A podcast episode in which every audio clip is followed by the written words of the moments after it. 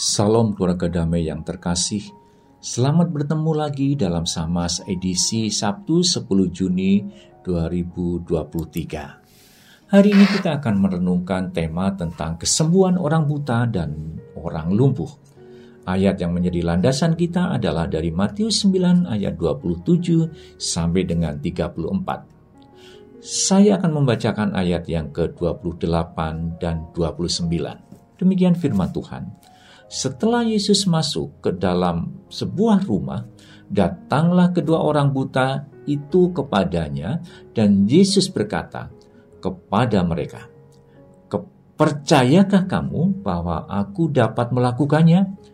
Mereka menjawab, "Ya Tuhan, kami percaya." Lalu Yesus menjambah mata mereka sambil berkata, "Jadilah kehendakmu menurut imanmu."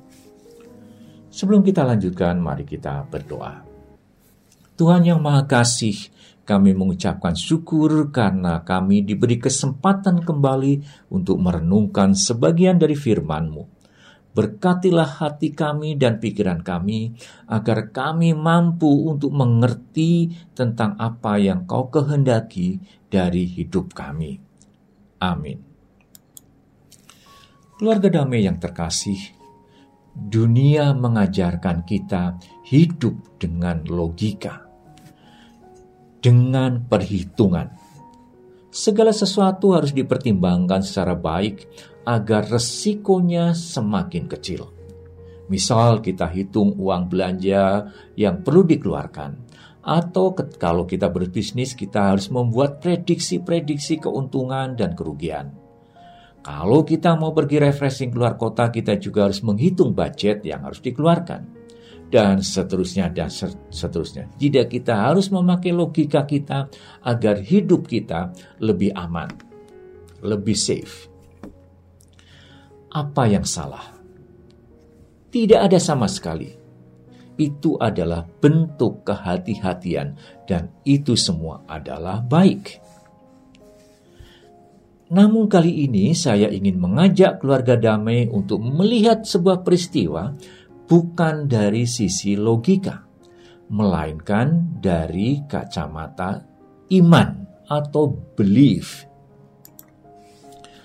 Matius 9 ayat 27 sampai dengan 34 mencatat dua peristiwa yang melibatkan Tuhan Yesus di dalam menyembuhkan orang buta dan orang orang bisu.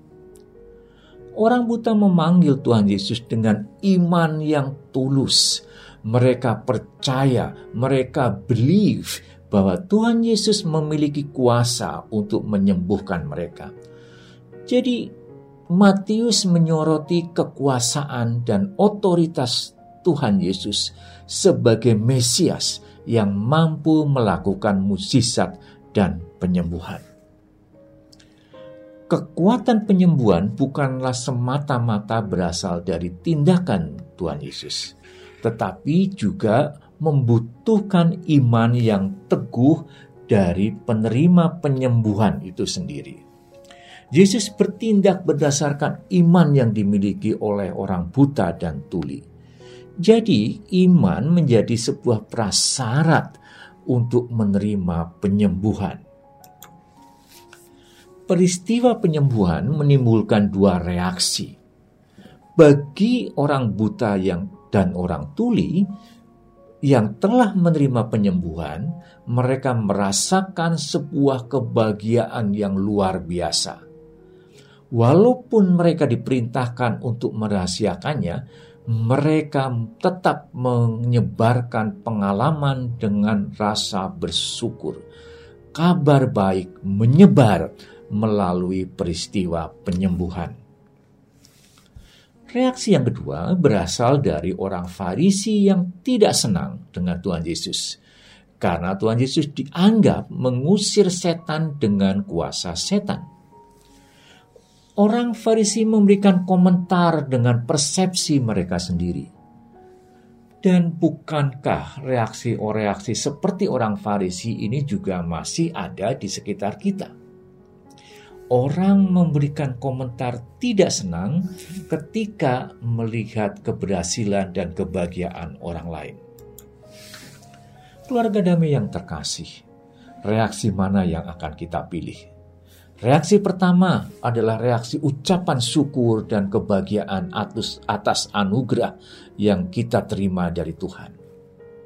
Atau reaksi kedua, membangun persepsi yang tidak baik ketika Tuhan Yesus melakukan hal yang sangat dibutuhkan oleh orang-orang yang sangat membutuhkan juga. Pastinya, saya menduga kita akan memilih reaksi yang pertama, bukan? Namun, saya tidak ingin kita berhenti di sini. Menerima anugerah juga menuntut tanggung jawab. Orang buta yang disembuhkan mengungkapkan rasa sukacita mereka. Mereka keluar dan memasurkan dia ke seluruh daerah itu mereka tidak menyimpan kesaksian tentang penyembuhan hanya untuk diri mereka sendiri. Mereka mulai memberitahukan kabar tentang Yesus dan penyembuhannya kepada semua orang yang mereka temui. Kasih karunia yang diterima memotivasi mereka untuk memberikan sesuatu dan berbagi dengan orang lain. Pertanyaannya adalah, tanggung jawab apa yang akan kita ambil ketika kita menerima anugerah dari Tuhan Yesus? Jawaban itu ada di diri kita masing-masing.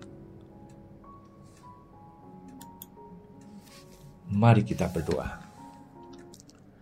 Tuhan sekali lagi kami berterima kasih karena Engkau telah meletakkan kami di tengah pengalaman hidup yang harus kami jalani. Melalui pengalaman inilah kami belajar dan terus percaya dan membangun iman kami kepadamu. Mampukan kami supaya agar kami terus menguatkan iman kami secara tulus dan biarlah kami semakin mengerti apa yang Engkau kehendaki dari diri kami. Dalam nama Tuhan Yesus, kami berdoa. Amin.